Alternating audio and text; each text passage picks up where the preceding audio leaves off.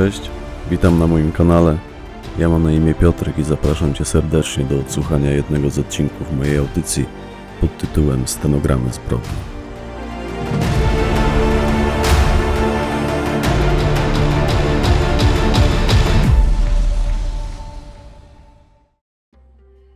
Jantar, część czwarta. Fragment stenogramu zeznań funkcjonariuszki Wydziału Wywiadu Kryminalnego KWP w Gdańsku, aspirant Ewy Zawatko. W drodze powrotnej do Gdańska spytałam Ernesta, kim był człowiek, którego miałam nieprzyjemność poznać. Powiedział, że to Ryszard G., herszt jednej ze zorganizowanych grup przestępczych, które plugawiły Trójmiasto pod koniec lat 90. ubiegłego wieku i w pierwszej dekadzie nowego milenium że to facet odpowiedzialny za handel narkotykami, przemyt jantaru, handel kradzionymi samochodami, ludźmi i za wiele innych świństw, które popełnił, zanim udało się go skazać. Napsuł sporo krwi Ernestowi i jego dawnemu partnerowi Mirkowi, którzy zajmowali się tropieniem jego bandy, zanim Mirek zniknął w kwietniu 2002 roku i nikt go od tamtej pory nie widział. Zaginął w drodze z pracy do domu, poszedł na tramwaj, ale nigdy do niego nie wsiadł i Ernest powiedział, że nie potrafi sobie wybaczyć jego śmierci, bo on był pewien, że jego partnera od dawna nie ma wśród żywych, tak samo jak był pewien, że osobą odpowiedzialną za jego zniknięcie był Ryszard G. Aczkolwiek nic mu na tę okoliczność nie udowodniono.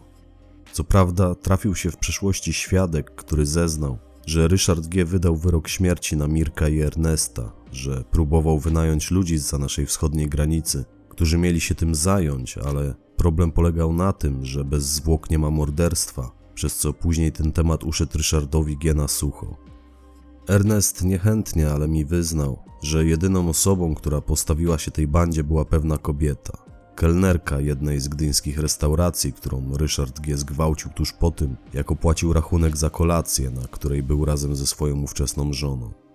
Po wyjściu na parking oznajmił jej, że musi wrócić do restauracji, bo kelnerka źle wydała mu resztę i wrócił do środka wraz z dwoma zbirami, którzy im wtedy towarzyszyli. Tamta kelnerka po prostu mu się spodobała, a pozostali pracownicy restauracji zbyt wiele wiedzieli o Ryszardzie G. i zbyt mocno się go bali, by zareagować, gdy ten ciągnął swoją ofiarę za włosy po podłodze w kierunku zaplecza. Zrobił to, co chciał, a na koniec wepchnął kelnerce do ust garści antaru, bo to był taki jego znak rozpoznawczy, on między innymi trudnił się jego przemytem, Zbił na jantarze, jak nazywał bursztyn Ernest, fortunę. I do tamtej pory bezkarny Ryszard G. po raz pierwszy trafił za kratki, właśnie w związku z tymi wydarzeniami. Jak powiedział Ernest, ta kobieta miała więcej ikry niż wszystkie ryby Bałtyku, temperament godzin królowej. Następnego dnia po ataku na nią przyszła do jego biura, które zajmował wówczas z Mirkiem. Stanęła przed nim, powiedziała, że zrobi wszystko, by ten bydlak trafił za kraty. Potem już na sali sądowej bez krzty skrępowania wskazała swojego oprawcę palcem, patrząc mu w oczy zeznała. To on, wysoki sądzie, a jemu ani sędzia, ani nikt inny, nawet własny adwokat, bał się spojrzeć mu w oczy. I to był przyczynek do kolejnych wyroków, które potem lawinowo posypały się na głowę Ryszarda G. Wkrótce za kraty trafiła większość członków jego bandy, a on sam dostał łącznie 21 lat od siatki. I to była halszka, panie prokuratorze ta pani, którą Ernest do dziś odwiedza w jej pierogarni. Zaprzyjaźnili się wówczas, pomogli sobie nawzajem, po dziś dzień darzą się sympatią i szacunkiem. Z tamtym okresem wiąże się dla Ernesta jeszcze jedna przykra historia. O niej też mi opowiedział. Mianowicie został posądzony przez członków bandy Ryszarda G. o to, że wystawił im swojego partnera. Twierdzili tak, mimo że samego porwania i zabójstwa się wypierali. Taka plota poszła w miasto, że Ernest wystawił Mirka bandytom, w związku z czym pewien ambitny prokurator postanowił przedstawić Ernestowi zarzuty, jakoby działał z nimi w porozumieniu. Przymknęli go, spędził w areszcie kilka tygodni, zanim jego koledzy z komendy zdołali dowieść, że to totalna bzdura. Siedział wtedy w czteroosobowej celi, widocznie komuś bardzo zależało na tym, by go złamać. Współosadzeni, wiedząc kim był, znęcali się nad nim, szydzili z niego, grozili mu śmiercią. Ale Ernest w pewnym momencie powiedział, żeby lepiej dali mu spokój, bo może zdarzyć się tak, że najdzie go ochota na ewakuację z tego świata, ale zanim to się stanie, zabierze ze sobą któregoś z nich. I dali mu spokój. A potem zarzuty wobec niego zostały wycofane. Opuścił areszt i działając już wtedy samotnie, dołożył Ryszardowi G kilka lat od siatki, jego kompanom również. Jak mi powiedział wtedy w aucie, Rysiaczek wie, że ze mną nie ma żartów. Będzie szukał dla nas tej Julii i oby ją znalazł choćby w Bałtyku, bo podobnie jak ty już mam podziurki w nosie tego śledztwa. Kiedy dojechaliśmy do Gdańska, w sumie to zajmowałam już miejsce na parkingu pod komendą, przez radio usłyszeliśmy głos Anki Ząbczyk, naszej dyżurnej. Wszczynała poszukiwania obywatela Portugalii Kamila Gusto, kapitana kontenerowca linii Mersk, oczekującego od kilku dni na wypłynięcie z portu w Gdańsku z tamtejszego decetu. Statek rozładował się i w momencie, gdy trwały już przygotowania do jego wypłynięcia, okazało się, że nie ma kapitana. W sumie nie zainteresowało nas to.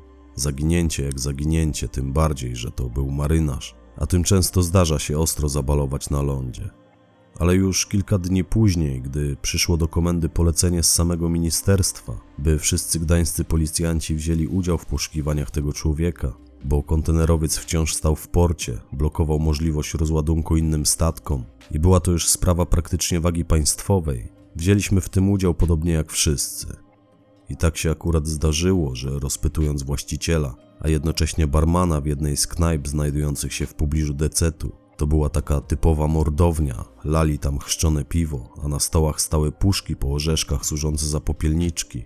Usłyszeliśmy z ust tego mężczyzny, tak, ten osobnik był tu przed kilkoma dniami z dwiema paniami. Przy czym jedna była blondynką, druga brunetką, a wiek ich obu sporo się różnił. I silnie zaskoczona tym, co powiedział, wyjęłam z kieszeni fotografię Julii T. Okazałam ją świadkowi, a on po chwili namysłu dodał: Tak, to ta młodsza, a ta starsza to chyba jakaś Rosjanka, bo miała wschodni akcent. Tyle wiem, bo widziałem je po raz pierwszy. Niestety ani w tej knajpie, bo jak już wspomniałam, to była trzeciorzędna piwiarnia, ani też w jej najbliższej, niezbyt przyjaznej zwykłemu człowiekowi okolicy, nie było kamer monitoringu. I sporo czasu nam zajęło, zanim dotarliśmy do nagrań przedstawiających jak dwie poszukiwane przez nas kobiety tego samego wieczoru, gdy cała trójka widziana była w knajpie. W sumie było to już późną nocą, bo była druga trzydzieści. Prowadzą zaginionego kapitana kontenerowca na plażę Stogi. Był mocno pijany, chwiał się na nogach, zataczał się. Ostatnie nagrania pochodziły z kamery zamieszczonej na słupie obok restauracji, która znajduje się przy wejściu na samą plażę. Wynikało z nich, że weszli na plażę we trójkę. Zaginiony miał przy sobie wówczas jakąś torbę, prawdopodobnie aktówkę. Trzymał ją kurczowo przy piersi. Kwadrans później obie kobiety opuściły plażę. Jedna z nich niosła aktówkę, potem znów na nią wróciły. Już bez aktówki, ale obie niosły ze sobą łopaty takie raczej wojskowe saperki, jak nazwał je Ernest. Potem, już nad samym ranem, w obiektywie w oddali, widać było wschód słońca. Obie kobiety ponownie opuściły plażę. Bez łopat za to trzymały się za ręce, wymieniły tuż pod kamerą długi pocałunek. I potem znów rozpłynęły się w powietrzu. Na szczęście kamera nagrała to wszystko z zadziwiająco dobrej jakości, działała na podczerwień, włączała się za każdym razem, gdy pod nią przechodziły. To nagranie stanowiło dla nas niezbity dowód na to, że Julia T. jednak żyje. Poczułam wtedy, że chcę dopaść ją jeszcze bardziej. Plaża Stogi położona jest zaraz przy dececie. W sumie to sąsiaduje z jego terenem. Część tej plaży jest wyłączona z użytku dla ludzi, odgrodzona siatką i stanowi już teren decetu, czyli gdańskiego portu przyładunkowego. Nie wiem jak pan, panie prokuratorze, ale ja osobiście lubię Stogi. Lubię opalać się na tej plaży, patrząc na oczekujące na redzie statki, na te ogromne kontenerowce, które czekają nieraz po kilka dni, by móc wpłynąć do portu i się rozładować. Teren decetu jest ogromny, cały ogrodzony, ma swoją kolej, jest tam pełno dźwigów, suwnic. Lubię takie industrialne klimaty. W sumie ten decet wielokrotnie zawarłam w swoich obrazach. Tak, często można mnie spotkać z pędzlem na którejś z trójmiejskich plaży. Jeśli pan kiedyś zauważy jakąś wariatkę, która siedzi zimą na piasku, przed sobą ma rozłożone sztalugi, a na nich rozciągnięte płótno, to istnieje duże prawdopodobieństwo, że to będę ja. W związku z tym, co udało nam się ustalić, przerzuciliśmy całe siły do przeszukania plaży, ale po całym dniu okazało się, że nic nie trafiliśmy. Nic. Do tego sporo musieliśmy się naużerać z ludźmi, którzy przyszli tam odpoczywać w otoczeniu parawanów. Dwóch podpitych młodzieńców na tyle uprzykrzało nam poszukiwania, że zostali zakuci w kajdanki i wywiezieni na izbę wytrzeźwień. Dopiero po tej akcji plażowicze zaczęli podchodzić do naszych poszukiwań bardziej wyrozumiale. W pewnym momencie, gdy skaner, który miał znaleźć ukryte pod piaskiem zwłoki, bo z góry założyliśmy, że szukamy zwłok tego kapitana, że raczej nie istnieje już szansa, by odnaleźć go żywego, dojechał do siatki odgradzającej plażę od terenu decetu, zauważyłam w tej siatce sporą dziurę. To znaczy, wyglądało to tak, jakby ktoś odplątał drut, którym była przymocowana do słupków, tworząc sobie w ten sposób przejście. I przyszło mi wtedy na myśl, że szukamy w złym miejscu, że powinniśmy szukać właśnie na terenie portu. Ale okazało się to wcale nie takie proste, bo gdy wystąpiliśmy do władz Decetu z prośbą o umożliwienie przeszukania plaży na ich terenie, te zgodziły się, a kiedy już rozpoczęliśmy poszukiwania w tamtym miejscu, dostaliśmy telefon od naczelnika o konieczności ich natychmiastowego wstrzymania. Okazało się, że ta część plaży jest siedliskiem będącego pod ochroną gatunku ptaków. Naczelnik powiedział, że decyzja jeszcze do niego nie dotarła, ale już została wydana i jest w drodze. To daj mi znać, jak ją dostaniesz, a najlepiej jutro, powiedział Ernest, po czym poprosił, a wręcz zmusił techników, żeby kontynuowali to, co zaczęli.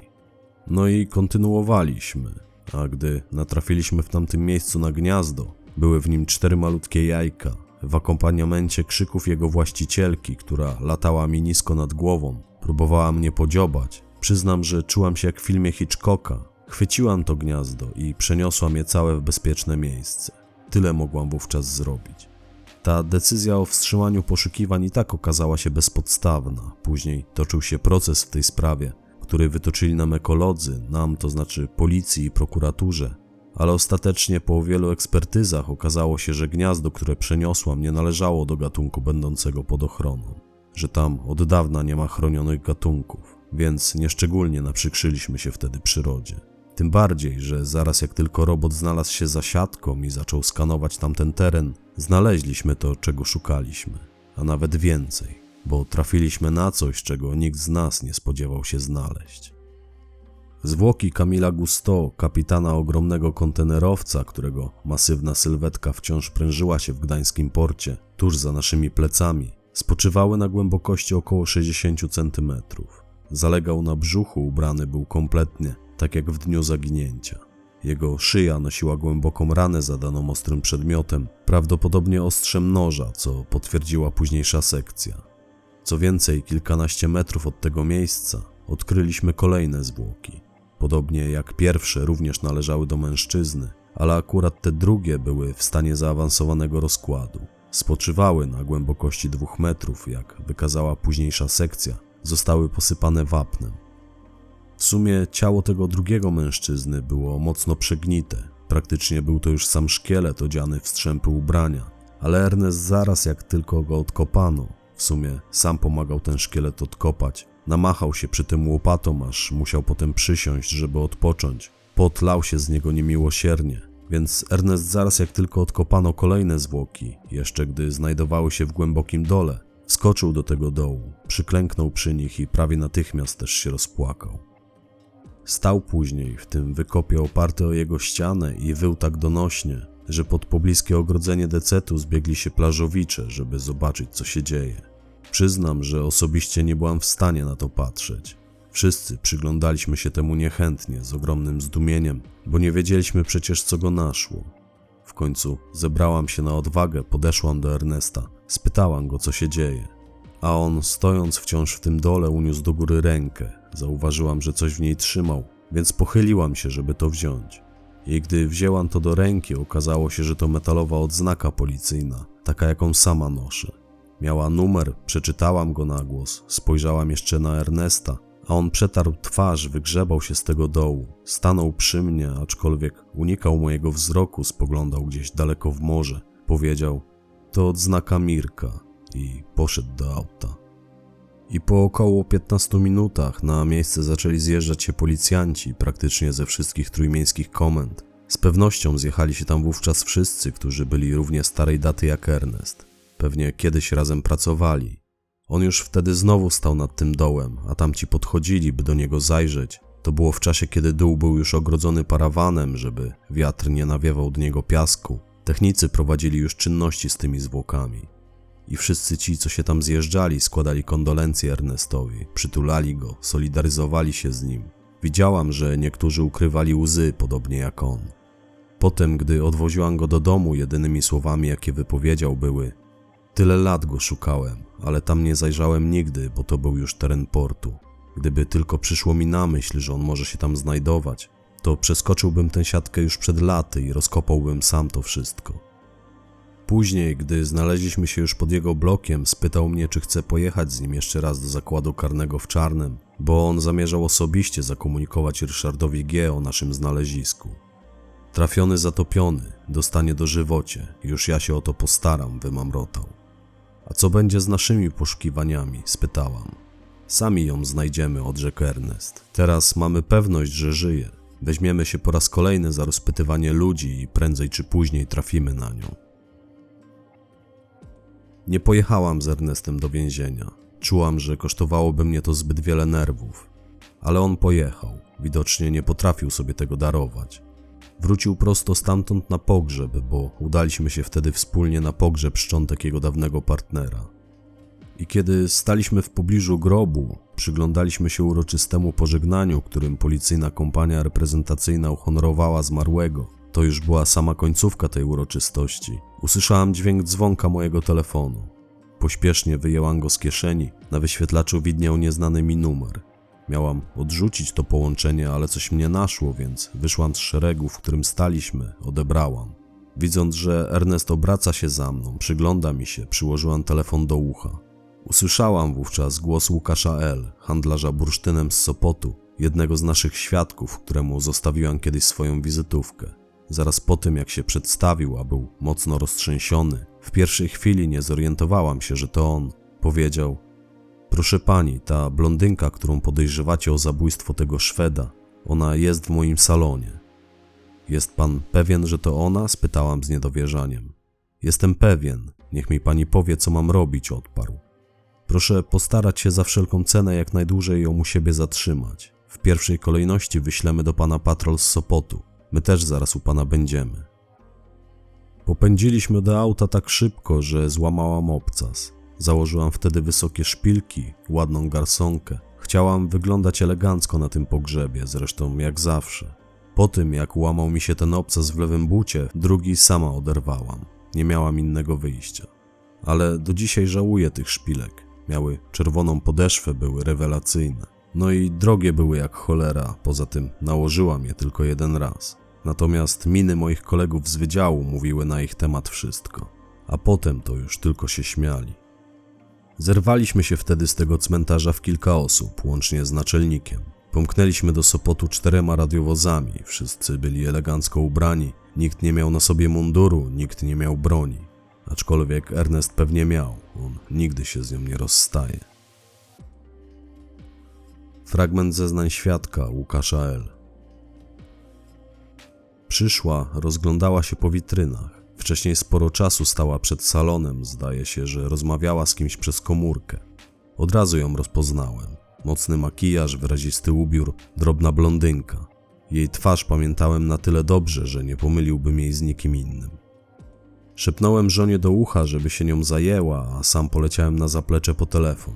I zaraz po rozmowie z panią Ewą, jak tylko schowałem telefon z powrotem do kieszeni marynarki, usłyszałem rozpaczliwy krzyk mojej żony, bo ona pokazywała tej kobiecie nasze wyroby, otworzyła jedną z wystaw, dała jej do obejrzenia piękny i drogi bursztynowy naszyjnik. Nie pomyślałem niestety, żeby jej powiedzieć, by niczego jej nie dawała do ręki. I ta kobieta, jak tylko przymierzyła ten naszyjnik, zerwała się z miejsca, ruszyła z tym naszyjnikiem w stronę drzwi.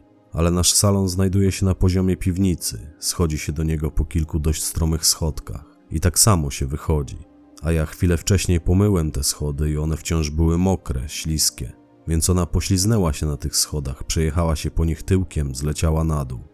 Kiedy ja wbiegłem do salonu, moja żona poleciała na zaplecze po telefon. To znaczy ja krzyknąłem do niej, żeby go przyniosła. a sam rzuciłem się na tę kobietę, to znaczy dobiegłem do niej i docisnąłem ją do podłogi. O tak, rękoma przytrzymałem ją za ramiona, bo ona próbowała się podnieść. Pochyliłem się za nią, docisnąłem ją do podłogi, krzyknąłem do żony: Dzwoń na policję, ale przez moment nic się za moimi plecami nie wydarzyło, nie słyszałem, żeby z kimś rozmawiała, więc obróciłem się za siebie, żeby sprawdzić, co się dzieje. Wtedy poczułem bolesne ukłucie w szyję, tutaj, z lewej strony, tu gdzie mam opatrunek. Ona widocznie miała przy sobie ten nóż. Wzięła spory zamach, żeby wbić mi go w szyję, ale na szczęście tylko mnie drasnęła.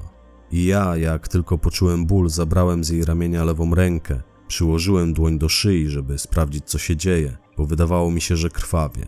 Ja ogólnie jestem panikarz, mdleję na widok krwi. I jak zobaczyłem, że mam rękę czerwoną, to mi się natychmiast zakręciło w głowie. Puściłem tę kobietę całkiem, ona w tej samej sekundzie poderwała się i uciekła. W międzyczasie zerwała z szyi naszyjnik i rzuciła go w kąt mojego salonu. Chyba tak było, bo znaleźliśmy go potem w tym kącie. Ja już nie wiem, już wtedy odpłynąłem. Dobiegła do mnie żona, zaczęła mnie cucić. A resztę tej historii już pan zna, panie prokuratorze. Nie pierwszy raz ją panu opowiadam.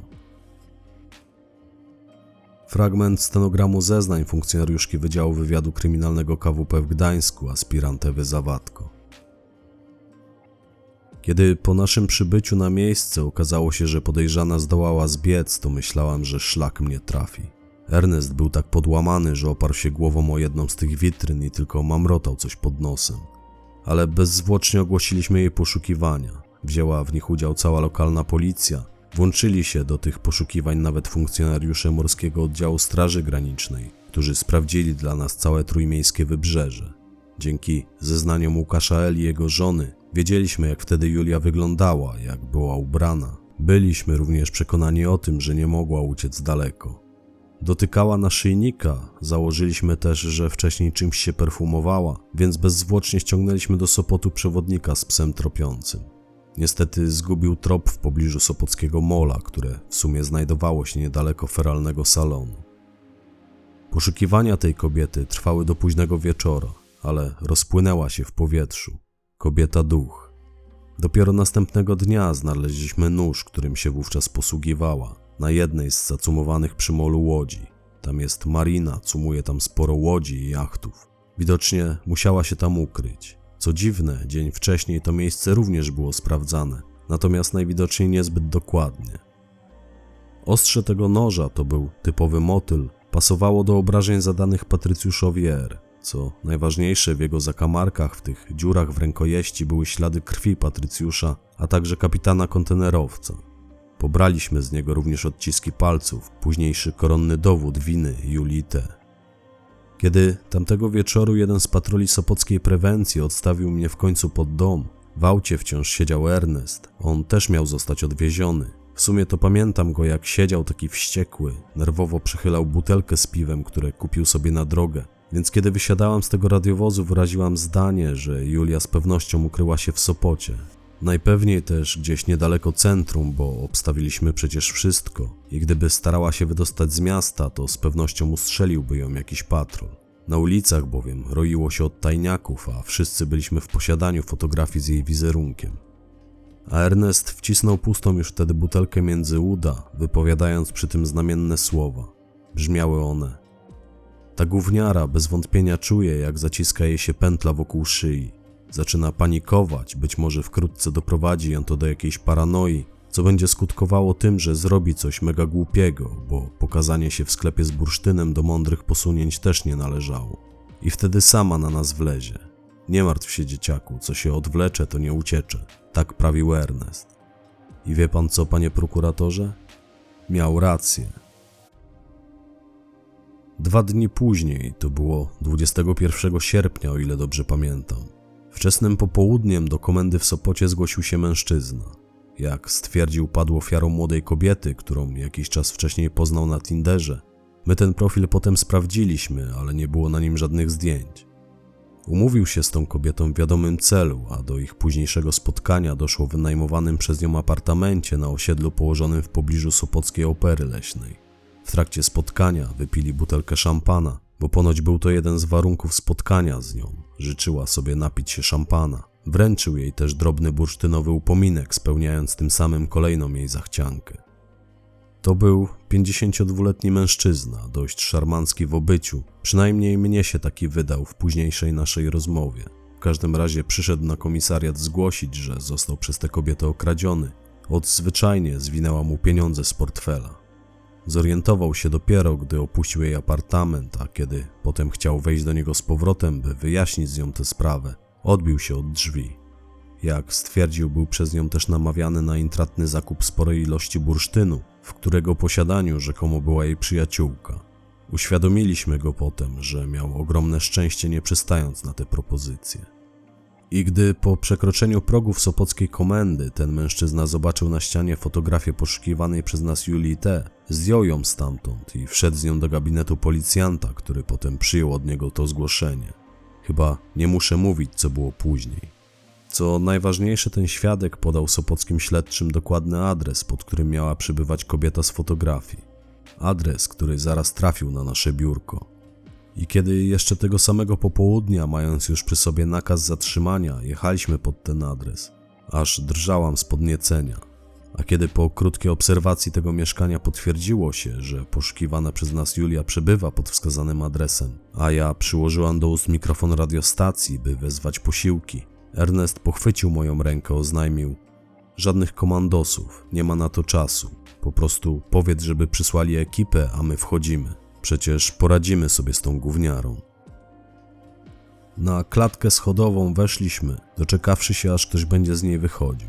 Był to jakiś mężczyzna z psem na smyczy, który nie zwrócił na nas praktycznie żadnej uwagi. Chwilę później znaleźliśmy się na pierwszym piętrze, pod drzwiami apartamentu, który zajmowała podejrzana kobieta. Ernest przycupnął za winklem na schodach, to były pierwsze drzwi na lewo od nich. Ja podeszłam do nich i nacisnęłam przycisk dzwonka. Na pytanie, kto tam, odparłam, że jestem sąsiadką z dołu i przyszłam sprawdzić, czy wszystko w porządku, bo z sufitu leje mi się woda.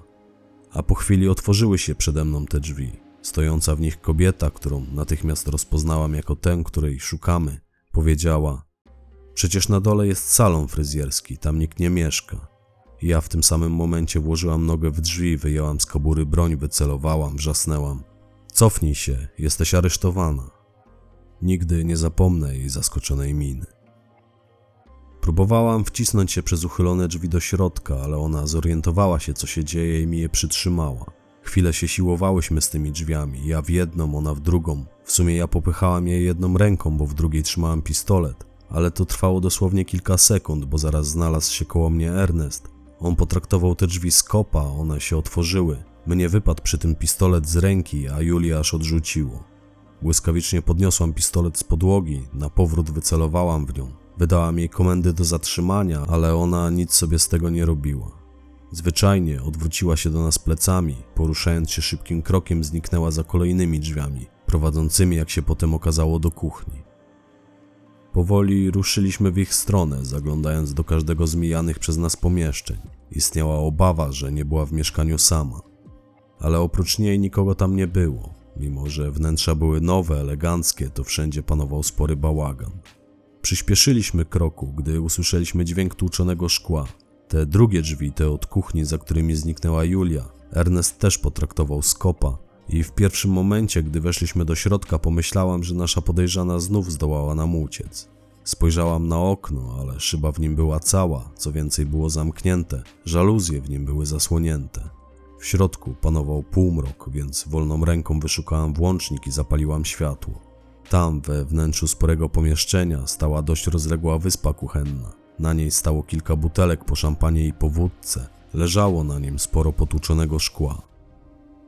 Dopiero kiedy obeszliśmy tę wyspę i za nią zajrzeliśmy, okazało się, że Julia siedzi za nią na podłodze, trzymając przy szyi jakiś przedmiot. To był kawałek szkła z rozbitej butelki. Czując, co się święci, stanęliśmy po obu jej stronach. Ernest schował swoją broń, ja nie.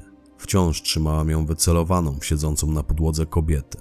Ta krzyknęła: Odpierdolcie się ode mnie! i przeciągnęła sobie tym szkłem po szyi. Ale to szkło się ukruszyło, ona się tylko lekko skaleczyła, nic wielkiego jej się nie stało. Zastanawiałam się, co zrobić, czy nie wezwać na miejsce negocjatora, ale niespodziewanie Ernest chwycił za szyjkę jedną ze stojących na wyspie butelek, rozbił ją o granitowy blat, trzymając w ręce sporej wielkości tulipana, przyklęknął przy naszej podejrzanej, wyciągnął do niej rękę z tym tulipanem, powiedział: Masz, spróbuj tym, oszczędzisz nam roboty. A ona spojrzała na niego zaskoczona, podciągnęła się trochę do pionu, potem popatrzyła na mnie. Ja tylko wzruszyłam ramionami. No na co czekasz? dodał Ernest, a potem się wydarł. Bierz to szkło i dokończ to, co zaczęłaś. Julia te pękła, wybuchła płaczem, odrzuciła szkło, które trzymała.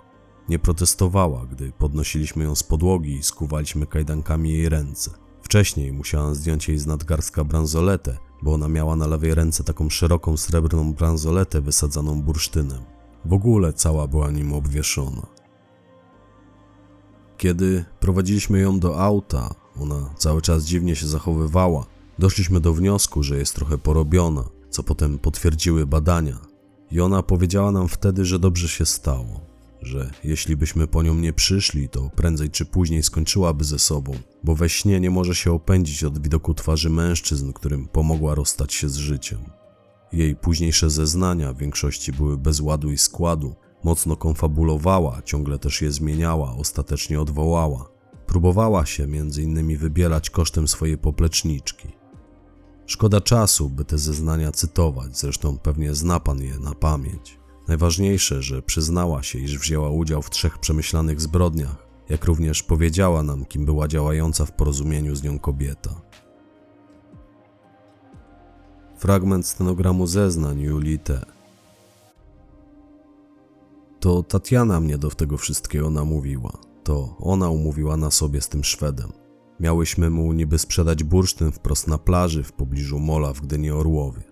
My oczywiście nie miałyśmy żadnego bursztynu. Nasza wersja była taka, że umówimy go z człowiekiem, który miał mu go sprzedać.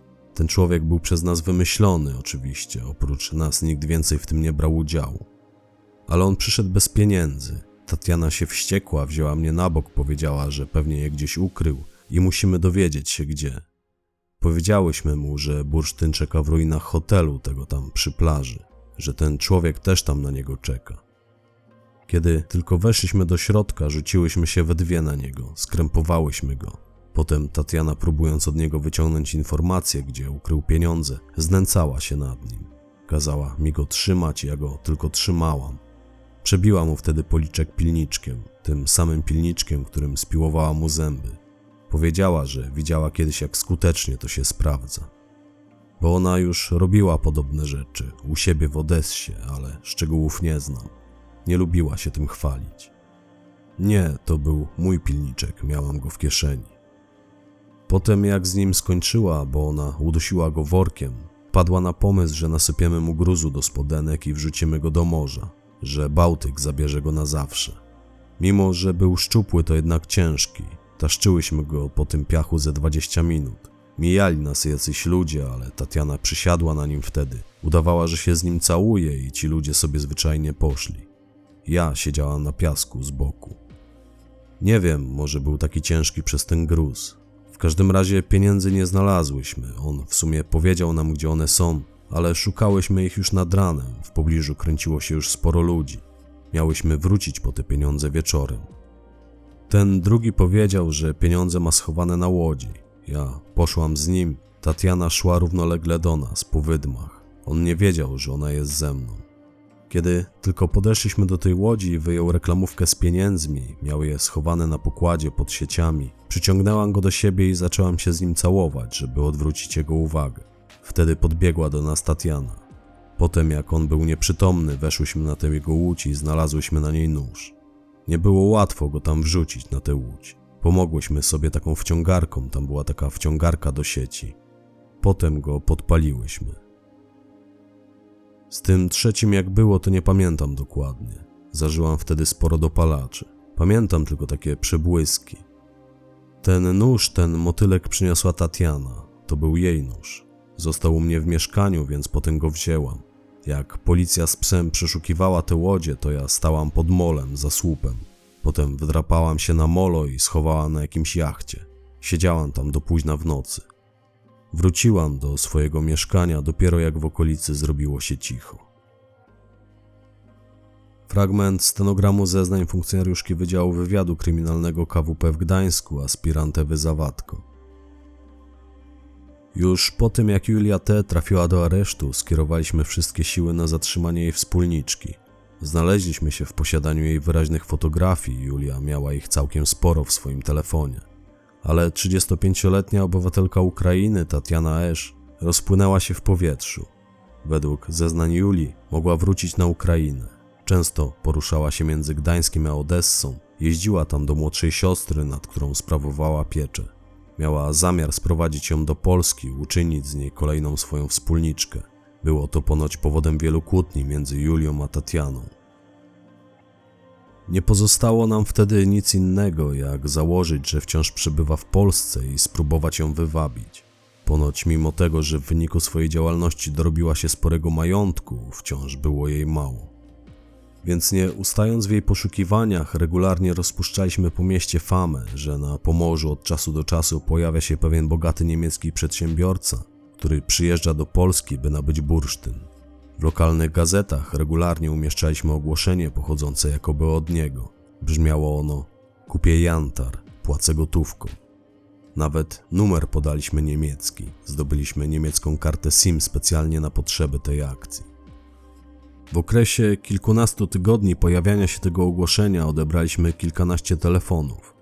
Podający się za niemieckiego biznesmena Ernest odbył też dokładnie 10 spotkań z potencjalnymi kontrahentami, by wywiedzieć się, czy mają oni coś wspólnego z poszukiwaną przez nas kobietą. Nie mieli. I gdy przymierzaliśmy się już do porzucenia tej metody, w sumie zawiesiliśmy już pojawianie się ogłoszeń, już ich nie było w prasie, na numer w nim podany zadzwoniła jakaś kobieta. Oczywiście to wszystko się nagrywało, jej głos świadczył o tym, że była młoda, mówiła łamaną polszczyzną, miała mocno wschodni akcent. Powiedziała, że jest w posiadaniu sporej ilości bursztynu i gotowa jest się go pozbyć. Ernest przystał na jej propozycję, wstępnie umówił się z nią w jednej z sopockich restauracji. Istniały uzasadnione podejrzenia, że Nastia, bo tak przedstawiła się ta dziewczyna, jest siostrą poszukiwanej przez nas Tatiany, więc mój partner ostatecznie umówił się z nią na transakcję. Miało do niej dojść na wydmach za decetem. Tam jest las, prowadzi przez niego ścieżka spacerowa. Jej początek ma miejsce na plaży Stogi, potem od południa okala ona decet, kończy się na polach przy obwodnicy. Więc Ernest umówił się z nią na tej ścieżce, na wysokości samego decetu, dokładnie przy suwnicy, która jest tam zmontowana. W sumie to ona na to miejsce nalegała. Te suwnice widać z tej ścieżki. Pracownicy decetu ładują nią kontenery na wagony kolejowe. Powinien pan być w temacie, panie prokuratorze, jeśli choć raz zdarzyło się panu tamtędy spacerować. Ja byłam wtedy pewna, że zarówno pora, jak i miejsce tego spotkania wskazują na to, że Ernest zjawiając się na nie, może popaść w tarapaty. Stąd też poprosiliśmy o ochronę oddziału antyterrorystów, jednakowoż dostaliśmy odpowiedź odmowną. Oddział AT miał wziąć tej nocy udział w międzynarodowych ćwiczeniach na poligonie w Drawsku Pomorskim, w związku z czym był wyłączony ze służby na 24 godziny. Mogliśmy oczywiście spróbować odwołać to spotkanie i postarać się przełożyć je na inny termin, ale istniała obawa, że spłoszymy naszą kontrahentkę, że więcej się nie odezwie i tym samym pozbawimy się być może jedynej szansy na zatrzymanie Tatiany. Więc nie zrobiliśmy tego, sam pan rozumie czemu. Ernest zobligował się, że pojedzie, a żeby zwierzyny nie spłoszyć, pojechałem z nim tylko ja. Oddział kryminalnych, który nas wspierał, zajął pozycję nieopodal wyznaczonego miejsca na plaży Stogi. Pięciu funkcjonariuszy piło piwo, paliło tam ognisko. Udawali, że coś hucznie świętują. Do miejsca spotkania mieli minutę biegiem. Kolejne dwie pary funkcjonariuszy pilnowały dwóch najbliższych dróg, którymi można było się tam dostać i stamtąd wydostać. Łącznie w akcji brało udział 11 policjantów. Ja pojechałam na miejsce z Ernestem. On chciał jechać sam, ale powiedziałam, że skoro od miesięcy tkwimy w tym razem, to pojadę wraz z nim dla zwiększenia jego bezpieczeństwa. Oczywiście wcześniej wysłaliśmy SMS-a na numer tej dziewczyny, na numer Nasti, w którym to Ernest informował ją, jakoby zamierza przyjechać z córką i żeby ta się nie zdziwiła. Ona odpisała: Spoko, ja będę z siostrą. Obie kobiety zjawiły się punktualnie, przyjechały na miejsce starym Oplem. Kiedy w jednej z nich rozpoznaliśmy Tatianę, ta po wyjściu z auta podeszła do bagażniku Opla, wyjęła z niego dużą i ciężką sportową torbę, ciągnąc ją po ziemi, dotaszczyła ją między nasze auto a ich. Tam młodsza z sióstr, bo one faktycznie były siostrami, pochyliła się, by odpiąć w tej torbie zamek, ale przystopowała ją starsza, powiedziała: Najpierw pokażcie pieniądze. Wtedy Ernest wyjął z naszego auta reklamówkę, w której miał swój pistolet. Położył ją na masce, zawołał do siebie jedną z sióstr. O dziwo podeszła do niego ta młodsza, a kiedy próbowała zajrzeć do reklamówki, wyjął z niej broń, przyciągnął tę kobietę do siebie, oddał strzał ostrzegawczy w powietrze, co miało też być sygnałem do szturmu dla ekipy oczekującej na plaży. Krzyknął: Na ziemię, policja! Niestety okazało się, że starsza z kobiet, Tatiana, nie była w ciemię bita. Gdy ja próbowałam wydobyć swoją broń ukrytą za paskiem spodni, popchnęła mnie tak mocno, że wpadłam na Ernesta. Oboje przewróciliśmy się na maskę naszego auta, jemu wypadł z ręki pistolet. Ernest przyklęknął na młodszej z sióstr, którą chwilę wcześniej przewrócił, bo on chwycił ją za kaptur bluzy, który miała na sobie i szarpnął tak mocno, że się przewróciła. Ona trzymała już wtedy w ręce nóż. Natychmiast oboje na niej przyklękliśmy, założyliśmy jej na jedną rękę kajdanki, drugim końcem przypięliśmy ją do stalowej felgi naszego auta. A gdy unieśliśmy głowy, Tatiany już nie było. Rozpłynęła się w ciemnościach. Po jakichś, ja wiem, 10-15 sekundach na miejsce dobiegła ekipa z plaży. Szybko wyjaśniliśmy im, co się stało i wspólnie zaczęliśmy szukać tej kobiety. Natychmiast też wezwaliśmy na miejsce przewodnika z psem. Ale zanim jeszcze pojawiły się jakiekolwiek posiłki, chodziliśmy po pobliskich wydmach, po lesie, po drodze, szukaliśmy jej dobrych kilkanaście minut. W końcu, gdy kilkoro z nas zebrało się na powrót, stanęliśmy obok auta. Wszyscy na znak nieudanych poszukiwań rozłożyliśmy ręce. Przyszedł mi do głowy pewien pomysł. Podeszłam do wciąż przykutej dokoła młodej kobiety, spytałam ją: A gdzie ty masz swój telefon? Jaki telefon? spytała, aczkolwiek jestem pewna, że wiedziała o jaki telefon mi się rozchodziło. Wtedy podeszłam do Ernesta, szepnęłam mu do ucha, by on wyjął swój telefon, ten z niemieckim numerem, i po prostu zadzwonił na numer, z którego wcześniej one dzwoniły do nas. I dwie, no może trzy sekundy po tym, jak rozpoczął połączenie, usłyszeliśmy gdzieś niedaleko nas melodię dzwonka. Natychmiast skierowaliśmy wzrok w tamtą stronę, a nagle z zarośli tuż przy drodze wyskoczyła nasza poszukiwana i ruszyła co sił w przeciwnym do nas kierunku. Dość szybko ją dogoniliśmy, właściwie to sama stanęła jak wryta, kiedy zaraz po tym jak oddałam strzał ostrzegawczy w powietrze, kolejne pociski skierowałam obok jej nóg. Widocznie czuła, że to nie przelewki, a zależało jej na życiu. Chwilę później zakuliśmy ją w kajdanki i wsadziliśmy do auta. Tatiana miała pojechać na komendę ze mną i Ernestem, a jej siostrę podjął inny patrol. Musieliśmy przewieźć je osobno, żeby nie miały ze sobą kontaktu, by nie ustaliły wspólnej wersji tych wydarzeń. Pamiętam, że nie mogłam opanować radości i rzuciłam się wówczas Ernestowi na szyję. To znaczy, przytuliłam go mocno. I tyle. Potem pierwsze auto ruszyło do komendy. Funkcjonariusze, którzy przybiegli od strony plaży, zostali na miejscu, by je zabezpieczyć do momentu przyjazdu prokuratora i techników, a my również wsiedliśmy do swojego auta i pojechaliśmy z Tatianą w kierunku komendy. Wcześniej jeszcze zajrzeliśmy do torby, którą przywiozły ze sobą kobiety. Zamiast bursztynu był w niej pistolet, tetetka produkcji radzieckiej z pełnym magazynkiem. Jak później zeznała młodsza z sióstr, Tatiana przywiozła ją z Odessy. W torbie było też kilka kawałków grubego sznura, dwa noże i dwa dziesięciolitrowe kanistry z benzyną. Stąd była na tyle ciężka, że Tatiana musiała ciągnąć ją po ziemi. A my, ujrzawszy wówczas zawartość tej torby, nabraliśmy pewności, że gdyby to ktoś inny znalazł się na naszym miejscu, to bez wątpienia padłby kolejną ofiarą gorączki bursztynu. Ilu naprawdę ludzi miała na sumieniu Tatiana, z pewnością nigdy się już nie dowiemy. Opuściliśmy ten las mniej więcej o 2.20 w nocy. Sama akcja miała miejsce o pierwszej, bo na tę godzinę było umówione spotkanie. Ernest usiadł za kierownicą, ja na tylnym siedzeniu. Miałam pilnować skutej kajdankami Tatiany. Po około 10 minutach jazdy leśnym traktem wyjechaliśmy na obwodnicę w pobliżu bramy Decetu. Tam skierowaliśmy się w stronę centrum, zamierzaliśmy jak najkrótszą drogą dotrzeć do komendy. Tamtejsza ulica była pusta, w okolicy są tylko pola uprawne i kilka hal fabryczno-magazynowych. Zaraz po tym, jak wyjechaliśmy na asfalt, minęliśmy stojącego na poboczu czarnego suwa. W sumie nie zwróciliśmy wtedy na niego uwagi, jechaliśmy milcząc w pełnym skupieniu. Jakąś minutę później ten SUV jadąc ze sporą prędkością podjął manewr wyprzedzania, a gdy znajdował się równolegle do nas, jego kierowca kilka razy zatrąbił. Potem zajechał nam drogę, stanął w poprzek ulicy. My nie wiedzieliśmy, co się dzieje, byliśmy tą sytuacją niezwykle zaskoczeni.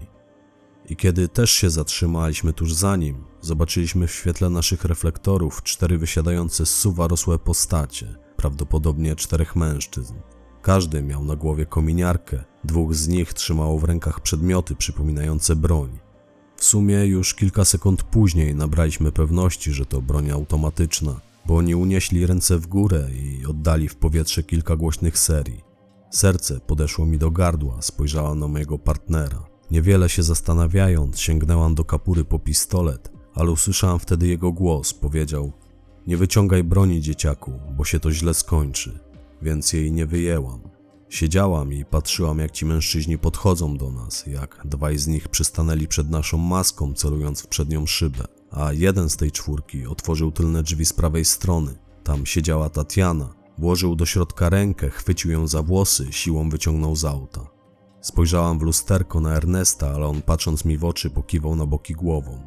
Dał mi tym samym do zrozumienia, żebym się nie wygłupiała, nie zgrywała bohaterki. Nie, żeby był jakiś wystraszony, nie dostrzegłam strachu w jego oczach. Był pewny siebie jak zwykle, ale w żaden sposób nie zareagował. Kiedy tamci oddalili się z naszą zatrzymaną, wysiadłam z auta i nie potrafiąc opanować emocji, rozpłakałam się. Wysiadł do mnie Ernest, przytulił mnie. Chwilę potem zgłosiliśmy to, co się stało przez radio. I natychmiast w rejon wyjechała cała trójmiejska policja, zostały zablokowane wszystkie drogi, ale nie przyniosło to żadnych rezultatów. Kolejne dwa tygodnie poszukiwań sprawców tego ataku na nas też nie. Nie trafiliśmy na żaden trop, żaden ślad po naszej podejrzanej. Od tamtej pory nikt jej już nie widział. Długo zastanawialiśmy się z Ernestem, kim byli ci ludzie, którzy ją wówczas odbili.